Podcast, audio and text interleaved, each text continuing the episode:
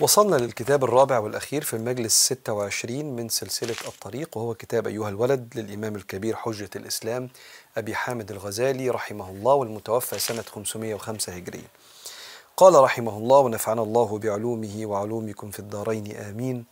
وهو بينصح تلميذه لو لقيت عالم شيخ وقبلك عنده تلميذ احترمه ظاهرا وباطنا. ويبدأ يتكلم عن احترام الظاهر دلوقتي. احترام الظاهر في المعاملة واحترام الباطن في أفكار القلب. مستوى عالي جدا من الأدب هيعلمه لنا الإمام الغزالي دلوقتي. قال ومن ساعدته السعادة فوجد شيخا كما ذكرناه اللي فيه الصفات اللي قلناها وقبله الشيخ ينبغي أن يحترمه ظاهرا وباطنا. أما احترام الظاهر يعني السلوكيات الظاهرة فهو ألا يجادله ولا يشتغل بالاحتجاج معه في كل مسألة وإن علم خطأه. لا ولا يلقي بين يديه سجادته إلا وقت أداء الصلاة فإذا فرغ يرفعها. ولا يكثر نوافل الصلاة بحضرته.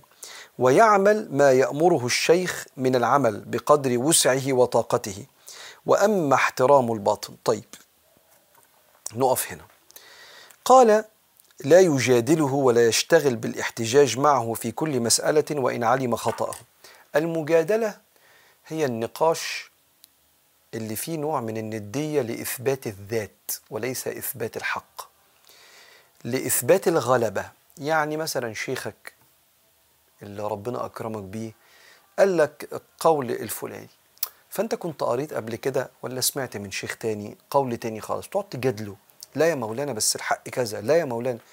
مبدئيا كانوا بيعلمونا حتى في فن الكلام كده زي ما بيقول لنا دكتور إيهاب فكري أستاذنا ما تبداش كلامك حتى بكلمة لا مع الناس. لا أصل فتحس كده في شيء من الهجومية. بالك مع شيخك؟ يعني أبوك الروحاني وسر قربك من ربنا سبحانه وتعالى واللي بيعلمك إزاي توصل لله ورسوله فهمك دينك فضل كبير جدا. فزي ما بنبر أهالينا في مستوى من الإحترام بيبقى مع الشيخ. فلا يجادل. إنما مثلا تقول له مولانا طب أنا كنت سمعت زمان كذا إيه رأي حضرتك في الكلام ده؟ أنا زمان كان كنت اتعلمت حاجة مش متأكد منها إيه رأي حضرتك يا مولانا؟ فكأنك بتسلم له القيادة. تقول لي بس ده خنوع قوي لا مش خنوع ده أدب. أدب لأن الشيخ ما صار شيخا إلا لأنه سبقك وتعلم ودرس وعنده شهاداته وعنده علمه وعنده شهادة العلماء ليه. فأنت تلميذ. إحنا بنعمل كده مع أساتذتنا في المدارس وفي الجامعات وأكيد بنعمل كده مع مشايخنا اللي بيعلمونا شرع ربنا. فلا يجادله ولا يشتغل بالاحتجاج معه في كل مسألة وإن علم خطأه. طيب الشيخ مش معصوم ممكن يجي ينقل قول في مسألة يغلط. نسي اتلخبط عكس المعلومة. أيا كان إنسان المعصوم سيدنا محمد عليه الصلاة والسلام فجه الشيخ قال حاجة غلط نسيها اتلخبط. ساعتها ما تقولش لا يا مولانا استنى حضرتك غلطت هنا. فكأن في شيء من الهجومية. إنما يعني إيه؟ ممكن تفوت الموضوع ده وتبقى تتكلم معاه بعدين. ممكن تسأله سؤال فيحس إنه مثلا محتاج يراجع فتقول له طب يا مولانا ممكن تشرحها لي أكتر؟ فهو بيتكلم ذاكرته تستحضر الصح. المهم إن دايما يظل مرتبة العالم عالم والتلميذ تلميذ. ده بيعمل إيه؟ بيجعلك تنتفع بالشيخ. وكل أصحابنا المؤدبين مع المشايخ شفنا بركات المشايخ فيهم وكل أصحابنا اللي عندهم جرأة على المشايخ قعدوا يوم يومين شهر شهرين سنة سنتين وبعدين لم ينتفعوا. وبيبقى فيها حتة كده فيها إيه شيء من المجادلة كده اللي بيبان في مجلس الشيخ. إن أنا على فكرة أنا بعرف زي الشيخ حتى أنا وأنا قاعد مع الشيخ بعرف أقول له ويقول لي أقول له ويقول لي. حتى قال صلى الله عليه وسلم لا تتعلموا العلم لتماروا به السفهاء عشان تضحكوا بيه على الناس اللي مش متعلمة أو تجادلوا به العلماء أو تصرفوا وجوه الناس إليكم عشان تبقى مشهور والناس بتسمع منك. ما تجادلش العالم إنما تسأل سؤال التلميذ. قال ولا يلقي بين يديه سجادته إلا وقت الصلاة فإذا فرغ يرفعها.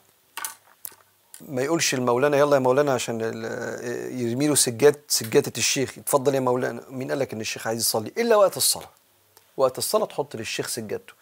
أو إلقائك لسجادتك أنت. الهاء دي تبقى عايدة عليك أنت. فيبقى مثلا إيه الشيخ موجود وبيعلمنا أو ما أقوم أصلي ركعتين. لا ركعتين سنة. طب ما طلب العلم فريضة ودي سنة. لا اقعد بين إيدين الشيخ وتعلم. إلا لما يجي وقت الفرض هتلاقي نفسك أنت قمت والشيخ قام وساعتها نصلي كلنا مع بعض.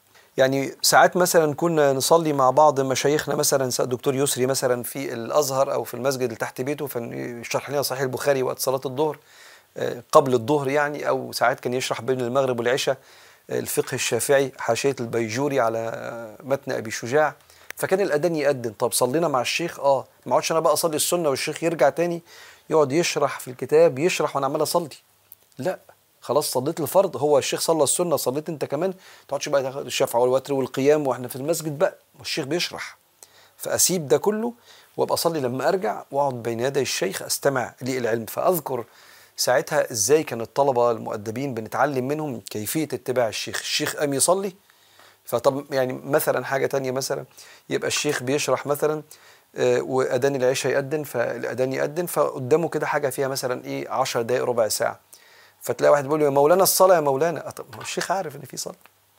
بس في باب هيخلصه لو قطعوا بالصلاة تركيزك هيروح. فيأخر مثلا الإقامة خمس دقايق عشان يكمل الشرح لأن من خبرة وعلم الشيخ عارف إنه لو قطعوا دلوقتي تركيزك هيروح. فلما نرجع بعد ربع ساعة نص ساعة بعد ما نخلص الصلاة هتكون أنت تهت منه وهو عايز يعلمك. فمولانا أصل الأذان يا مولانا أو الصلاة يا مولانا فكأنه بينظر على الشيخ كده. فقال له ما تعملش كده وخليك مؤدب مع الشيخ وما تقلقش. الشيخ دقيقتين ثلاثة وهيقيم الصلاة وهنصلي كلنا مع بعض. قال ولا يكثر النوافل نوافل الصلاة بحضرته ويعمل ما يأمره الشيخ من العمل بقدر وسعه وطاقته. آه لأن الشيخ لما يوصيك بوصية كأنه عنده خبرة كده في قدر العلم اللي نتعلمه وقدر العمل اللي نعمل بيه. فيوصينا بصلاة الوتر يوصينا بركعتين يوصينا نراجع حاجة نحفظ حاجة ذاكروا المسألة دي يا أولاد ونتقابل المرة الجاية علشان نراجعها مع بعض. اعمل كده. ده هيساعدك. زي ما بتاخد واجبات في المدرسة الهوم وورك بتاعك تروح تعمله وترجع. آه في المدرسة ممكن يبقى في درجات هتنقصها في عقاب بتتعاقبه ايا كان. لكن الشيخ ممكن ما يعاقبكش بس أنت تفتقد الانتفاع بيه لو وصاك وصية وما اهتمتش بيها بالذات في العلم والعمل. فبيقول له بقدر طاقتك وأساك يعني. وأما احترام الباطن إزاي قلبك بقى يفكر في الشيخ؟ ناخدها المرة الجاية إن شاء الله على خير في المجلس القادم. شكراً.